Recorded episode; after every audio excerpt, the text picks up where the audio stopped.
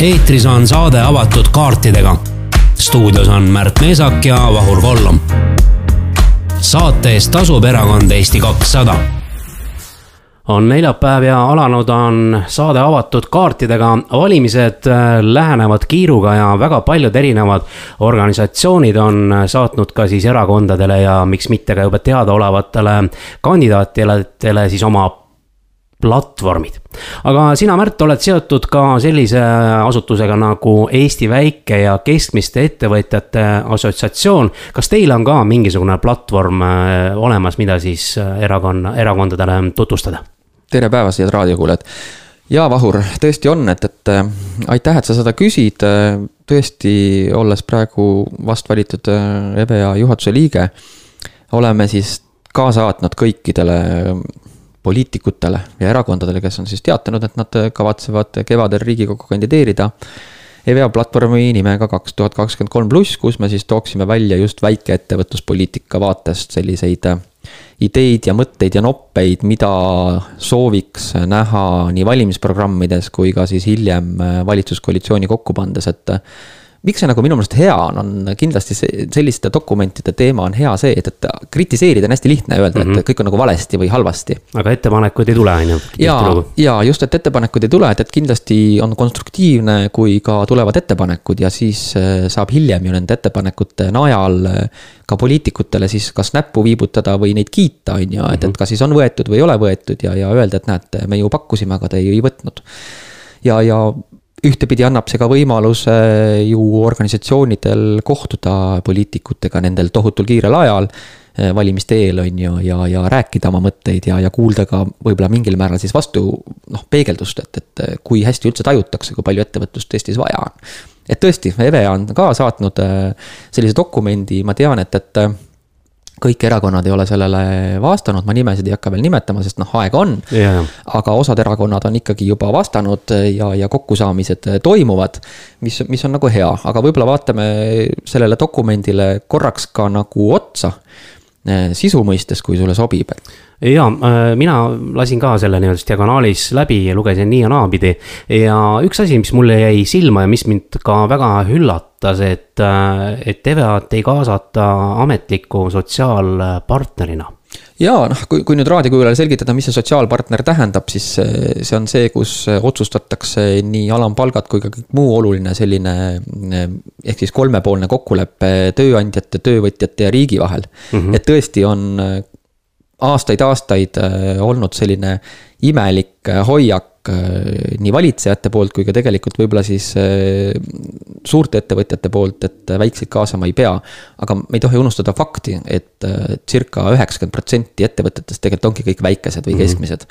et kui jätta kõrvale nii suur osa turuosalistest ja nende arvamusega mitte nagu arvestada, siis kindlasti need otsused ei saa tulla õiglased ja õiglased just väikeettevõtete poole pealt, et meil ju maapiirkondades äh, inimesed ongi võib-olla iseenda tööandjad, nad ongi mm. väikeettevõtjad ja kui nende huve ei arvestata ja kõik need äh, mõõdupuud äh, lüüakse selle järgi, et kuskil on viiesaja tuha-, viiesaja töötajaga ettevõtted, on ju, ja kõik need reeglid ja muud asjad kehtestatakse nende järgi, siis noh, see, see on karjuv ebaõiglus. on, on ja no see näitab ära ka jälle, et riigil on kaasamisega muresid Nad, nad on pigem sellises mugavustsoonis, et nad on kogu aeg nagu niimoodi olnud, et noh, ma isegi tooks siia võib-olla veel absurdsema näite.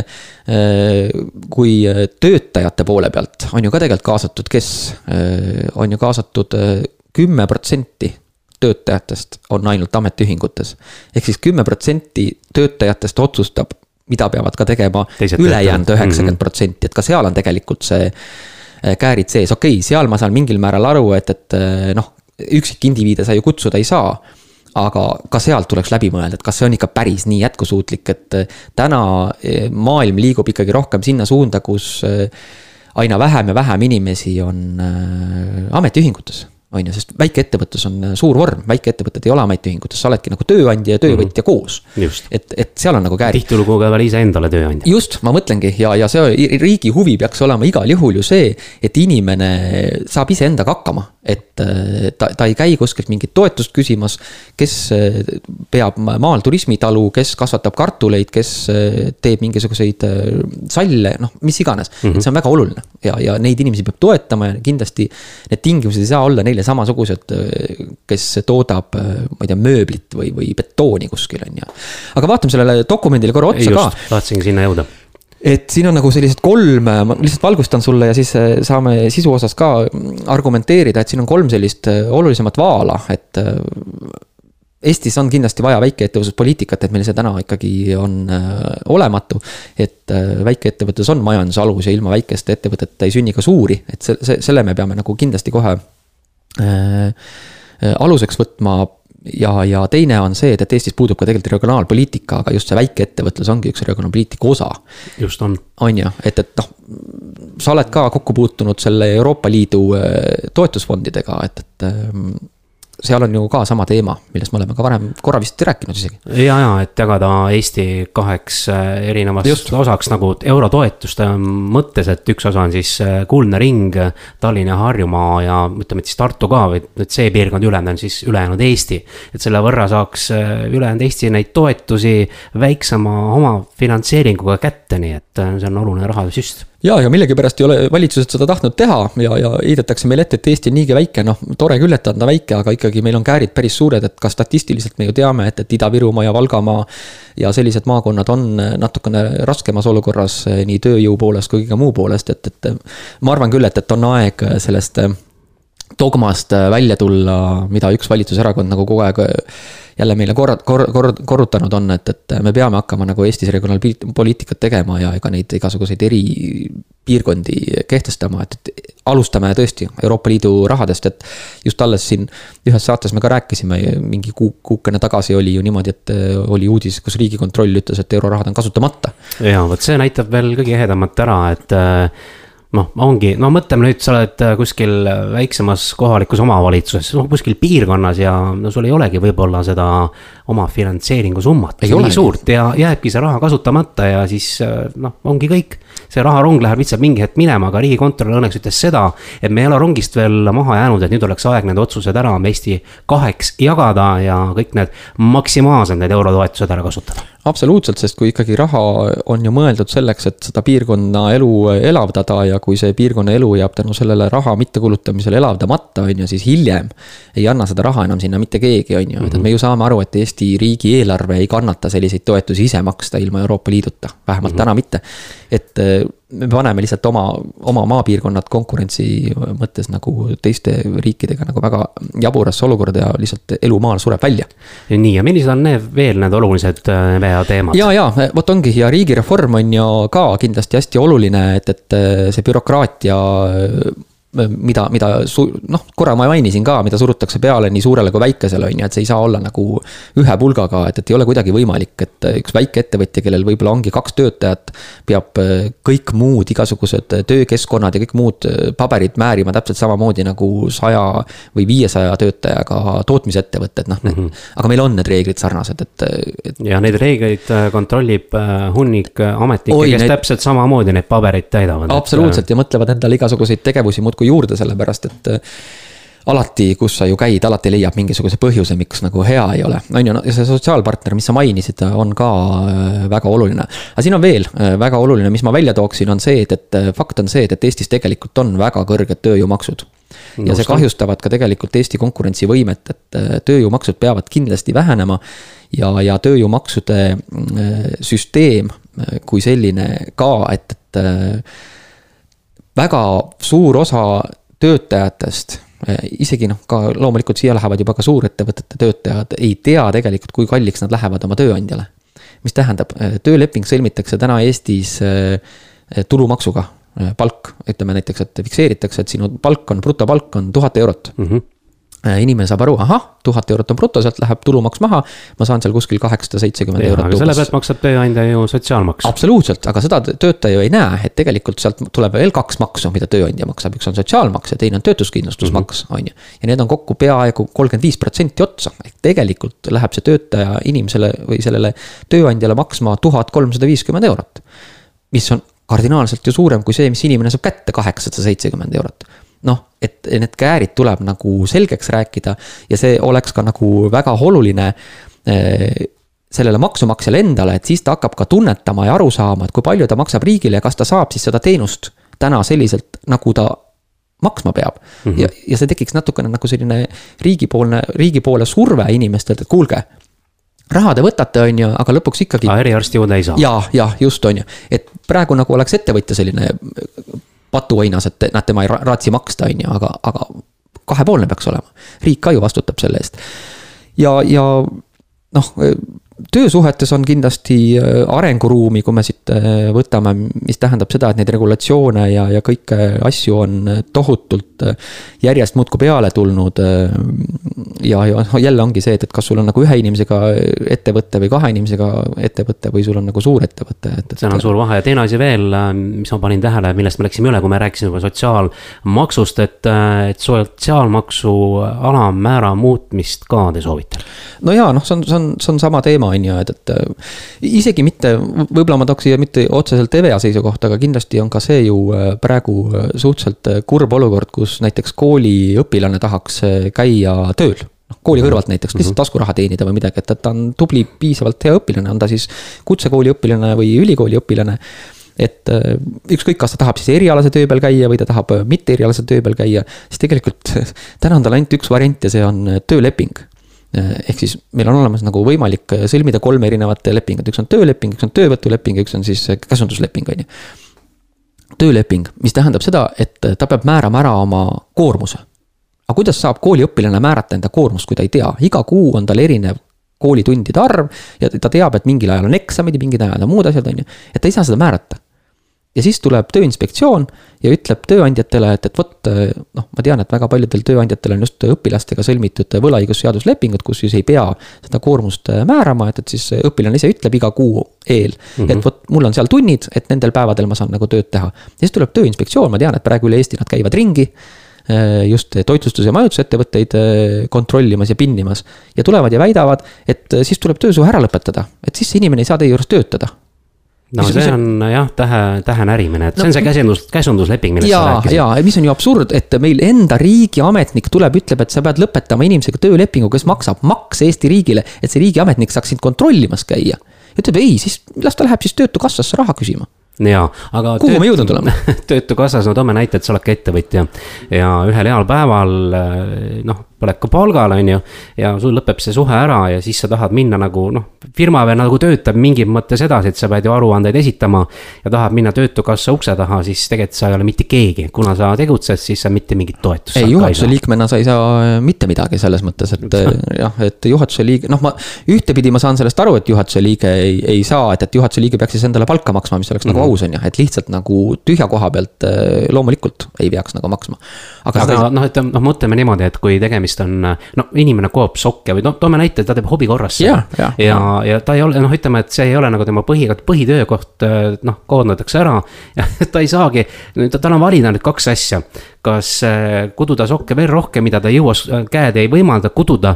Äh, või lõpeta, õpetada sokkide kudumine ja minna, ajada käsi pikka ning küsida raha siis äh, sealtsamast ametist. ja, ja absoluutselt et.... no ka natukene absurdne olukord ju. ei no muidugi on, muidugi on, ma ütlengi, et see noh, seal ma ütlen selles mõttes, et töösuhetes on täna hetkel ikkagi väga asjad nagu väga-väga lappamas. et, et seda peaks ikka väga korralikult ette võtma ja vaatama, et noh, me teame ka ju, et, et meediast on väga palju läbi käinud, et need Boltid ja Woltid ja need, kes, need ei maksagi makse, on ju. et come on, et kuidas, kuidas see nagu võimalik on, et, et ole, ole poliitikutele küll suur üleskutse, on ju, ja ma arvan, et Eesti kakssada teeb selle ka ära on ikkagi see, et, et see tuleb üle vaadata selliselt, et me oleme nagu ajaga kaasas.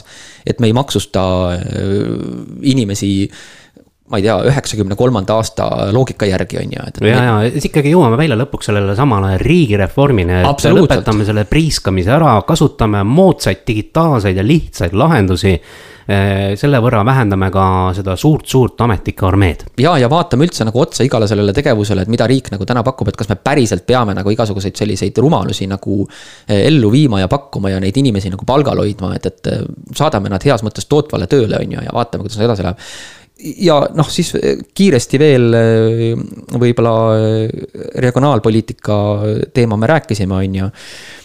et turg ja tu selle toimimine ka, et, et ma arvan ka, et, et see riigikapitalism ei, ei ole just väga pikas perspektiivis nagu kasulik, et, et mingid olulisemad sellised ettevõtted võivad ju olla, mis on nagu julgeolekupoliitiliselt nagu vajalikud, on mhm. ju, et, et mingi Eesti riik omab kontrolli, on ju.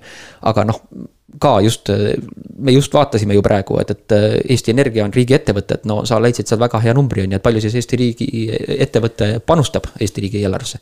no ütleme nii, et ma loen tegelikult terve selle väljendi ette, et mida Indrek Neivelt arvas siin ühel heal päeval, see on lihtsalt nii hea, et ma pean selle lausa ette lugema. ole, ole, muidugi. nii, maksusüsteem on meil püha ja puutumatu, aga kõikide nende kasvavate toetuste jaoks on raha vaja kus häda kõige suurem, seal abi kõige lähem, nii ütleb vanarahvas. tundub, et Eesti Energia on muutunud lihtsalt maksuameti käepikenduseks, koos kasumiga annavad nad juba seitse protsenti meie eelarvest, see tähendab seda, mõeldakse järgmist äh, aastat. ehk korjame elektrimaksuga rahvalt ja ettevõtetelt raha kokku ja siis jagavad poliitikud selle oma valijate või sõprade vahel laiali, isegi Tesla ostmiseks saab toetust. sihukene vahva kommentaar. väga hea kommentaar ja see tegelikult võtabki kokku selle, et, et mida olen ka mina varasemalt öelnud, et Eesti Energia ei ole mitte riigiettevõte, vaid see on varjatud maks. Eestis mm -hmm. on olemas varjatud elektrimaks oleme ausad, ütleme, et see on meil olemas ja kõik inimesed saavad sellest ühtepidi aru. täna, täna meil räägitakse ja öeldakse, et Eesti Energia on äh, meie omandus, aga kus me siis sellest nagu kasu saame, et, et. varasemalt Eesti Energia investeeris kuhugi Jordaaniasse, selle asemel, et Eesti enda elektrivõrku investeerida, on ju.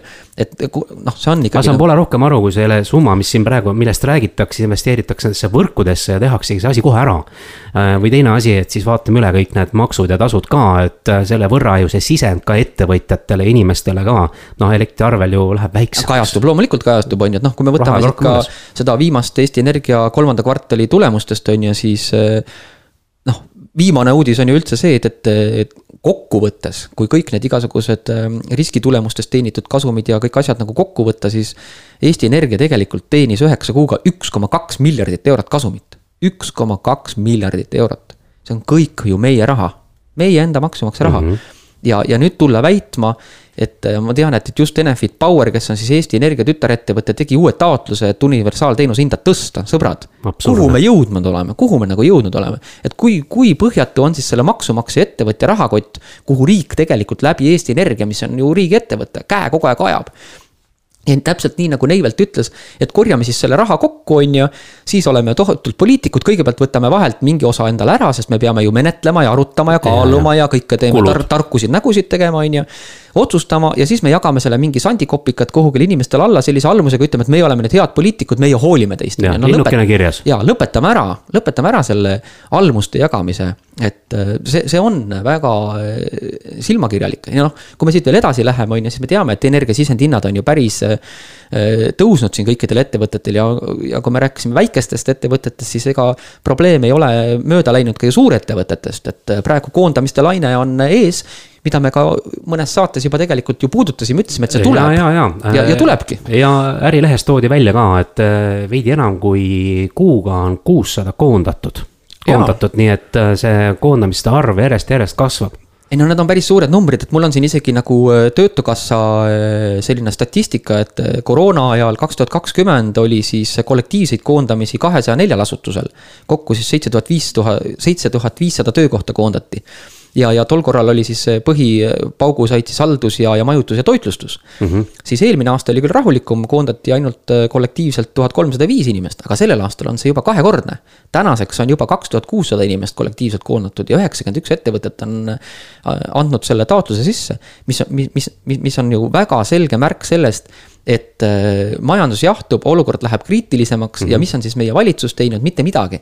et need ettevõtted ei koondaks, me peame ju tagama oma ettevõtetele jätkusuutlikkuse ja konkurentsivõime. vot see konkurentsivõime on üks A ja O ka, et äh, alati tuleb, äh, kui poliitikud, ütleme, et need, kes on valitsuses, armastavad rääkida konkurentsivõimest näiteks siin maailmaturul. siis nad toovad alati näiteks mingisugused protsendid, mis neile kasulikud on, aga tegelikkuses kui riik neid asju siin õigesti ei korralda, siis maailma, maailma mõistes lähiriikidega meie konkurentsivõime oluliselt ju alaneb. ei no ongi, sest äh, ka siin standardi äh, nõukogu liige Enn Veskimägi on selle ju väga selgelt välja toonud, on ju, ja. ja ma isegi seoks siia veel, mis ta on nagu väga hästi välja toonud, mida, mida mina olen ka ikkagi varasemalt rääkinud, on see, et, et meie riigi juhid ei mõista majanduse sellist nagu ähm, ühes pudrupotis olemist, et, et koroona ajal öeldi, et ah, mis me siin neid hotelle ja toitlustusettevõtteid toetame, et, et surevadki välja, on ju, ja tugevamad jäävad ellu ja neid meil polegi neid vaja, et nagunii turiste ei ole ja nii edasi. aga täna ju tulebki välja, miks standard koondab, kas sa tead, miks standard koondab?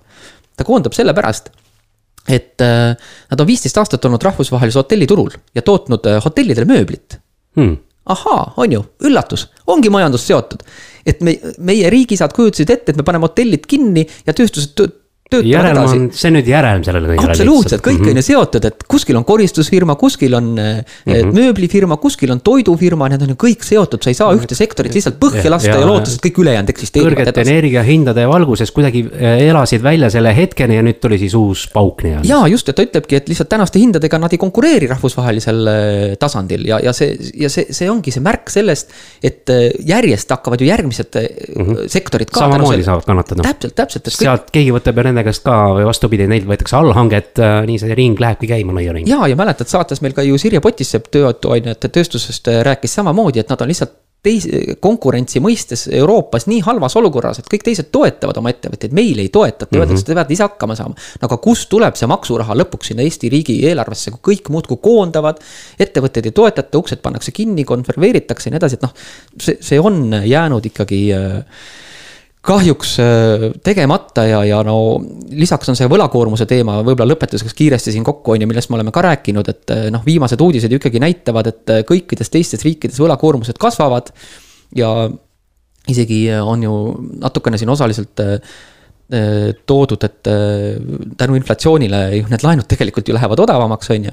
ja meie oleme nüüd siis olukorras, kus me oleme kogu aeg olnud nagu tohutult mitte laenanud riik ja, ja hetkel põhimõtteliselt ei saa enam laenu ka võtta, sest nüüd on see laen kallis, on ju. ja me olemegi nagu küna ees, et, et tegelikult me ei, ei, ei saa nagu lisaks võtta ja meil ei ole ka midagi kulutada, sest meil mitte midagi ei ole ju ennem võetud, on ju. ja seesama laen ei lähe ka just kõige parema sihtotstarbega kuhugi teele, hakatakse ju, jagatakse välja ka ju laustoetusi sinna kohta, kuhu võib-olla ei peaks üldse jagamagi just, et kokkuvõttes selle ploki teemal sõnum äh, peaks olema meil kõigil äh, üks, et, et ettevõtlus on Eesti alustala ja Eesti riigi valitsejad peavad hakkama aru sellest saama, et, et ettevõtjad ja väikeettevõtjad ja suurettevõtjad, kõik on need, mida me peame siin Eesti Vabariigis äh, hoidma alles, sest ainult nemad toodavad meile lisandväärtust, et ametnike armee kindlasti seda ei tooda. ehk meil on vaja riigireformi. väga tugevat ja väga raputavat ja väga põhjapanevat. et me kindlasti tuleme saates selle juurde ka ta-, eraldi plokina jah, läheme väikesele pausile raadiosaade avatud kaartidega on Raadio Ring FM eetris neljapäeviti kell üksteist. ühiskondlikel ja aktuaalsetel teemadel arutlevad Märt Meesak ja Vahur Kollom. oleme nüüd väikeselt pausilt tagasi ja läheme edasi järgmise teemaga. nimelt hiljuti viidi läbi ka Eestis üks sotsiaaluuring ja statistikaamet oli selle tellijaks ning äh, loomulikult teemaks ka ju suhteline vaesus, äh, mis on Eestis muideks äh, tõusutrendis. ehk kakskümmend kaheksa koma, kakskümmend kaks koma kaheksa protsenti Eesti ela-, elanikkonnast on siis suhtelises vaesuses. ja võib-olla selleks, et seda mõista paremini, siis see tähendab seda, et inimese leibkonna koosseisu arvestav kuusissetulek oli väiksem kui seitsesada kuuskümmend kolm eurot jaa, see on väga tõsine teema tegelikult, et äh, meil on Eestis tegelikult päris palju selliseid teemasid, mida meil poliitikud väga ei taha üldse puudutada ja nad räägivad, et küll meil läheb ikka hästi, et mis te nagu virisete. mis on õige, et Eestil tegelikult keskmiselt ju lähebki hästi, aga meil on ka tegelikult äh, väga Äh, kriitilisi äh, tegemata jätmisi ja, ja me kipume nad kuidagi nagu ära unustama, et meil tõesti Eestis näiteks numbriliselt ju absoluutses vaesuses elab üks koma neli protsenti inimestest, mis on ikkagi Euroopa Liidu äh, mõistes ja, ja kui me tahame olla siin ikkagi nagu arenev riik kindlasti nagu liiga palju, mis tähendab seda, et inimesed ei saa igapäevaselt iseendaga hakkama. seletan lahti ka, et see mm, absoluutne vaesus, üks koma neli protsenti tähendab seda, et eh, arvestatav inimese kuu sissetulek on all väiksem kui kakssada kolmkümmend neli eurot. just, kakssada kolmkümmend täpselt, et neid on siis üks koma neli protsenti, et eh, jah, tuleb statistiliselt küll korraks täpsustada, et absoluutne vaesus korraks sellel aastal numbriliselt langes. Ja see oli pigem võetud sellega, et lihtsalt keskmised palgad ja palgad on nagu üles läinud. see inim-, see, see inimeste grupp jõudis teisse kihti, ehk siis äh, suhtelise no, vaesuse gruppi. ja ta jõudis suhtelise vaesuse gruppi ja lihtsalt ongi naljakas see, et, et ega see kakssada kolmkümmend eurot ju muutnud ei ole, muutunud ei ole, et inflatsioon on ju äh, kakskümmend viis protsenti meil siin aastas, mis tähendab seda, et me võiksime kohe rõõmsalt sellele summale viiskümmend eurot otsa panna, mis oleks juba kolmsada eurot ja usu mind, see number oleks jälle täpselt sama. et see ei tähenda, et meil nüüd inimesed nagu paremini hakkama saaksid seal allpool, vaid lihtsalt statistiliselt äh, nad kuvatakse teises grupis äh, ja, ja kuna hinnad lähevad ees ära, siis äh, lihtsalt nad ongi seal, et, et muideks hea võrdlus me siin korra rääkisime ka toidukaupadest ja ka Poolast mm, -hmm. et et ma just võtsin siin välja, et, et näiteks suurem osa toidukauba hinnaerinevus jääb Eesti ja Poola vahel kümne protsendi sisse, et kas Aha. sa teadsid seda? ei et mis sa arvad, mis on üks olulisemaid, mis on odavam Poolas? mis on odavam Poolas kui Eestis? ma kaldun arvama, et enamus. see on tervislik toit. tervislik toit, kartul. no midagi sellist. no see ei ole võib-olla kõige tervislikum toit, aga. jaa, õuna ja kartuli kilo oli tõesti Oceanise Prisma hindades kolmteist protsenti äh, odavam, pirnid üksteist protsenti Poola kasuks ja tomatid lausa kolmkümmend kuus protsenti odavamad ja kas sa tead, miks see nii on? Äh, nii, üllata mind, see on ka mingi maksuteema jälle. õige, õige, väga õige, Vahur, et täpselt see ongi maksuteema, me ju ka Sirjega sellest Potissepaga rääkisime, et, et Poola siis äh, on teinud äh, toiduainetele noh, maksusoodustusi, on ju muidugi ka üllatusi on, lihtsalt võrdluseks on see, et, et valge suhkur on Poolas kakskümmend üheksa protsenti kallim kui Eestis, nii et Eestis võite suhkurt julgelt osta, mis ei ole küll väga tervislik, et ärge raadiokuulajad seda väga palju sööge, et suhkruga Äh, ei, ei, ei ole just energiat ja, ja ei ole ka tulevikus head tervist.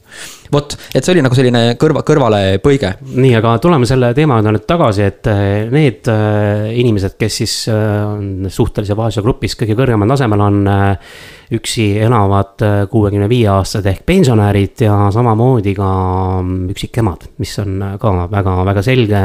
tea-, noh, ütleme, et siis sõnum selle kohta, mis on siin Eestis ka natukene valesti ja arenenud tööstusriikide organisatsioon OECD ütles hiljuti oma raport, raportis ka seda, et Eesti vähendab juba kaks tuhat kakskümmend kolm aastaks vaesust praeguselt kahekümne kahe prot-, kahelt protsendilt viieteistkümnele protsendile. kuid praeguse hetkeseisuga tundub, et ähm, nüüd on nad küll vähe eksinud ja seda kindlasti ei, ei juhtu.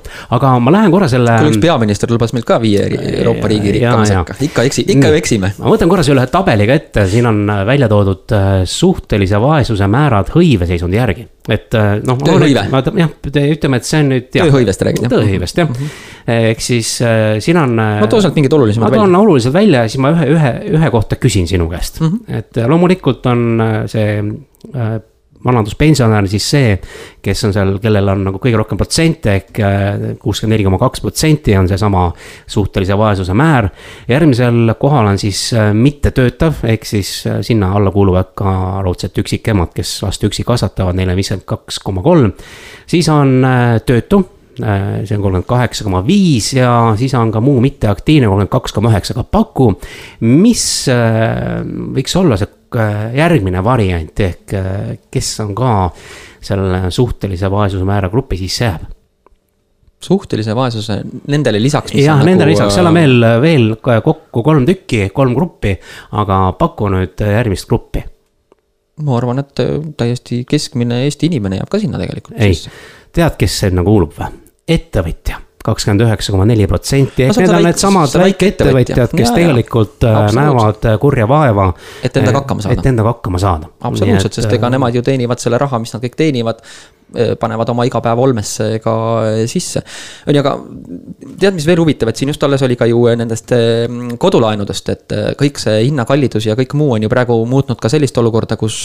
kui varasemalt võib-olla selline keskmine Eesti inimene vaatas kinnisvaraturul ringi ja tahtis uuselamusse korterit osta, siis täna on nende võimekus langenud väidetavalt kuskil noh, kordades. ja, ja nad pigem peaksid hakkama vaatama endale sama palga ja teenistuse eest kuhugile järelturule. ja, ja ka kinnisvaraostude maht on kõvasti vähenenud et, et kolmkümmend protsenti väidetavalt on inimesed hakanud vähem ostma. jah, see tähendab seda, et mingisugune lumepall on äh, tulemas, tulemas ja või see veerema läinud ja vaatame, kaugele see välja veereb, et aga loodame, et midagi hullu sellest ei juhtu. aga võib-olla võtame selle asja kokku nüüd ka, nüüd seesama suhtelise vaesuse määr, tõime välja need grupid, kes on kõige haavatavamad, ehk siis äh, vanaduspensionär, kes elab üksi ja on see üksik ema ja siis on riik see, kes on avanud suured rahakraanid ja maksab siis kõikidele peretoetust, et äh, vot see on, siin on väga suured, suured käärid selle asja sees, et ometigi on ju teada, kuhu see toetus peaks minema, eks, et toetus peab olema ju selgelt äh, vajaduspõhine. no üks on vajaduspõhine ja teine on ikkagi see, et, et äh, ma, ma kuidas saab olla nagu üks laps kallim kui teine laps on ju, või. iga laps loeb, on ju. jaa, absoluutselt, või, või kui me räägime üldse nagu sellest rahakülvist, et noh, ma ei kujuta küll ette, et kas nagu see on olulisem, et inimene saab selle raha peo peale. või tal on olulisem see, et, et tal on tasuta lasteaiakoht, tal on tasuta koolilõuna, tal on tasuta töövihikud ja kõik muu, ehk siis see bürokraatia perekonnas jääb ka väiksemaks. et jälle siin, siin, siin natukene kumab jälle sellist Eesti riigi sellist torut Äh, poliitikat, et kõigepealt korjame kõrgete maksudega raha kokku ja siis poliitikud saavad targa näoga rääkida, et küll me teist hoolime ja me jagame selle uuesti laiali, on ju. ja mis on nagu äge ka, et äh, väga selgelt on, oleme saanud ka Euroopa Keskpanga presidendilt Christine Lagardelt ka sugeda. väga õigesti, väga õigesti, ma isegi ka, jaa, jaa. jagamine võib lõpuks Eesti riigile kalliks maksma minna. absoluutselt, sest see on ju enne valimisi selline tore kõigile peo peale, et siin alles just oli ka ju uudis, kus viiskümmend eurot said kõik, kelle mingi, mingi toetuse juurde, et noh see, sellel on nii suur valimisõng ja see lõpeb nii halvasti, et. et kulla poliitikud, teeme ikka nii, et inimesed saavad ise hakkama ja neil ei ole vaja mingit almust kogu aeg riigi poolt anda, et see, see on, see on ühtepidi nagu alandav. ja teistpidi nagu silmakirjalik, et kõigepealt me paneme aktsiisid kõik kõige kõrgemaks Eesti riigis ja kõik muud maksud on ju, ja siis me tuleme ja oleme nii lahked ja nii menetleme ja arutame, et tead lihtsalt selle ploki lõpetuseks. jaa, et tead, tead, mis just uudistest käis läbi, et äh, pangast, äh, kui inimesed ka tahtsid nagu just eriti nagu naisterahvad ja nemad tahtsid nagu äh, laenu võtta ja kuna neil see võimekus nagu kukkunud on, siis kas sa tead, mis pang, ühest pangast olevat ühele naisele öeldud? üllata mind. Ja ka raadiokuulajat ja just, et rikas mees tuleb leida. Et see on siis nagu lahendus kogu sellele kriisile. oi jumal küll aga, äh, aga lähme vist väiksele pausile. jaa, aga kõne. peale pausi teeme ka ühe intervjuu, nimelt Liina Normet võttis ka sellesama peretoetuste eelnõu teemal väga teravalt sõna ja siis hetke pärast on juba temaga intervjuu raadiosaade avatud kaartidega on Raadio Ring FM eetris neljapäeviti kell üksteist. ühiskondlikel ja aktuaalsetel teemadel arutlevad Märt Meesak ja Vahur Kollom olemegi väikeselt pausilt tagasi ja nagu ennist sai lubatud, on äh, meil ka intervjuu täna. Äh, Liina Normetiga, kes on tervishoiuekspert ja naiste ja laste tervise edendaja. hallo, oled sa kuuldel? ja tere, olen kuuldel, loodan, et kuulete mind ka hästi. ja kuuleme küll äh,. alles hiljuti ilmus sul ka Eesti Päevalehes üks väga terav artikkel, mis rääkis sellest samast äh, peretoetustest ja nende jagamisest. võib-olla annad ka raadiokuulajale väikese ülevaate, et mis on selle seaduseelnõuga nüüd äh, täielikult valesti läinud? ja ma alustuseks tahaks kohe mainida, et äh, et ajakirjanikud panevad artikli pealkirja täpselt nii, nagu tahavad, et see viimane artikli pealkiri, et see suurperede toetus on nii vale äh,, ei vasta päris tõele, et avalikkusele jääb nagu mulje, et me justkui seisaksime suurperede toetamise vastu. tegelikult see ju absoluutselt nii ei ole. Me seisame selle eest, et kõik lapsed oleks ühtemoodi olulised riigile ja et äh, kõik pered oleks ühtemoodi olulised. et praegusel hetkel tekib olukord, kus äh, esimesed ja teised lapsed justkui ei ole olulised. riik annab selge signaali välja, et ainult kolmandad äh, pluss sealt edasi lapsed on olulised, sest see vahe, mis tekib toetustega, on meeletu suur, et ühe ja kahelapselised pered saavad siis lastetoetust uue seaduse järgi sada kuuskümmend eurot kuus, aga kolme pere, pere, kolme lapsega pered ja sealt veel edasi algavad siis toetused kaheksasaja kuuekümnest eurost, ehk siis kahe ja kolme lapse vahe on seitsesada eurot kuus, mis äh, ei ole kuidagi nii-öelda kooskõlas. Ja selliseid suuri toetuseid peaksime me jagama siiski nendele, kellel on seda väga vaja meie Eesti riik on niivõrd pisikene ja, ja väike ja peaks olema suuteline teadma ja aitama täpselt neid inimesi, kellel seda vaja on. sest kindlasti on suurperesid, kes vajavad palju rohkem seda toetust kui see kaheksasada kuuskümmend eurot või, või natukene peale siis olenevalt laste arvust. kes on äh, kaotanud näiteks äh, mõlemad vanemad töö või, või jäänud kodust ilma ja, ja nii edasi. aga on ju ka väga palju väikeperesid, eriti üksikvanemaid, kes, kes peavad siis laste kasvatamisega üksinda hakkama saama et uue seaduse järgi tõuseb ka ju üksikvanema toetus, kuid äh, seaduse järgi on üksikvanem ju ainult see, kellel siis äh, sünnitunnistusel ei ole märgitud teist vanemat või siis äh, teine vanem on hukkunud. aga üksi kasvatavaid vanemaid on ju oluliselt rohkem ja, ja siin hiljuti avaldatud vaesus, suhtelises vaesuses elavad inimeste nii-öelda need numbrid, seal on ju ka kirjas, et, et just üksikvanemad on need, kes on suures riskis vaesusele nii et me ei ole selle seaduse vastu, kui, kui et me nüüd oleme selle suurperede toetamise vastu, vaid just, et me peame suutma aidata neid, kellel seda päriselt vaja on. ja, ja riik ei saa anda välja signaali, et esimesed ja teised lapsed ei ole olulised, kuna tegelikult, kui me vaatame andmetele otsa, siis just esimeste ja teiste laste sündide arv on languses ja me võime küll lühiajaliselt tõsta kolmandate ja neljandate laste sündide arvu, aga kui meil ei sünni esimesi ja teisi lapsi, ei saa sündida ka, ka kolmandaid ja neljandaid pikas plaanis mis see need konkreetsed, mis see, Liina, mis need konkreetsed lahendused võiksid olla, et mis peaks praegu selle seadusega teistmoodi olema, et, et üks on need summad, on ju, ja ma saan aru, et see on ühtepidi selline lennik, lennukilt külv ja valimiseelne äh, valijate häälte ostmine. aga kuidas sinu poolt vaadatuna oleks siis see õige lahendus, et mis peaks praegu selle seadusega kohe kiiresti, kuuendal märtsil uus riigikogu koosseis tegema? Esiteks, äh, iga laps peab olema võrdne panus äh, riigi silmis. et ütleme siis noh, näiteks ettepanekuna, et iga lapse toetus on sada viiskümmend eurot. Üks laps sada viiskümmend eurot, kaks last kolmsada eurot, äh, kolm last nelisada viiskümmend eurot ja siis see suurpere toetus meil on tegelikult ju praegu olemas. meil on kolme lapse pealt on suurpere toetus juba kolmsada eurot, et las see jääb nii. et tegelikult ei muutu pikas plaan, noh nagu suures plaanis mitte midagi, kui me tõstame neid summasid natuke ümber. jah, riigile läheb kallimaks, sest et väikeperesid on oluliselt rohkem väikeperesid on kaheksakümmend kuus protsenti Eesti peredest. Suurperesid on ainult neliteist protsenti, kuid suurperedest siis äh, kasvavate laste arv moodustab kakskümmend kaheksa protsenti Eesti lastest. et me peame äh, nii-öelda ühtlustama iga lapse panust ning teise koha pealt on hästi oluline, et me Eesti riik hakkaks äh, suunama toetusi sinna, kus seda päriselt vaja on.